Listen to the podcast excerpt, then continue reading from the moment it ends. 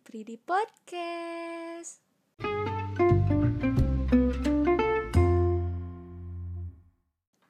Kali ini Kak Dinda akan membahas mengenai hewan jinak dan hewan buas.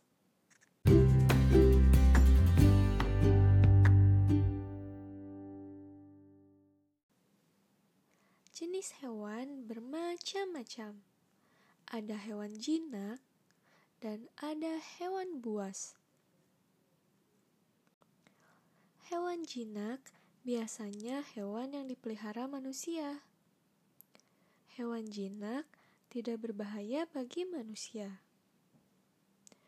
Contoh hewan jinak yaitu kucing, sapi, ayam, kelinci, ikan, burung, dan kupu-kupu. Berbeda dengan hewan jinak, hewan buas biasanya tidak dipelihara oleh manusia. Dan hewan buas hidup di alam secara liar.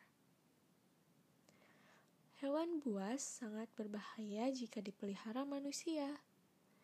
Untuk memelihara hewan buas, kita harus dilatih terlebih dahulu oleh ahlinya.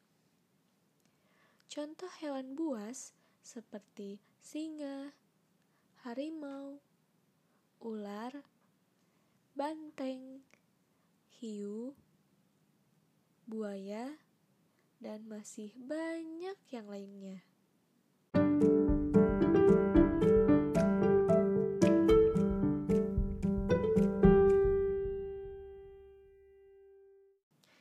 Nah, segitu dulu pembahasan mengenai hewan jinak dan hewan buas.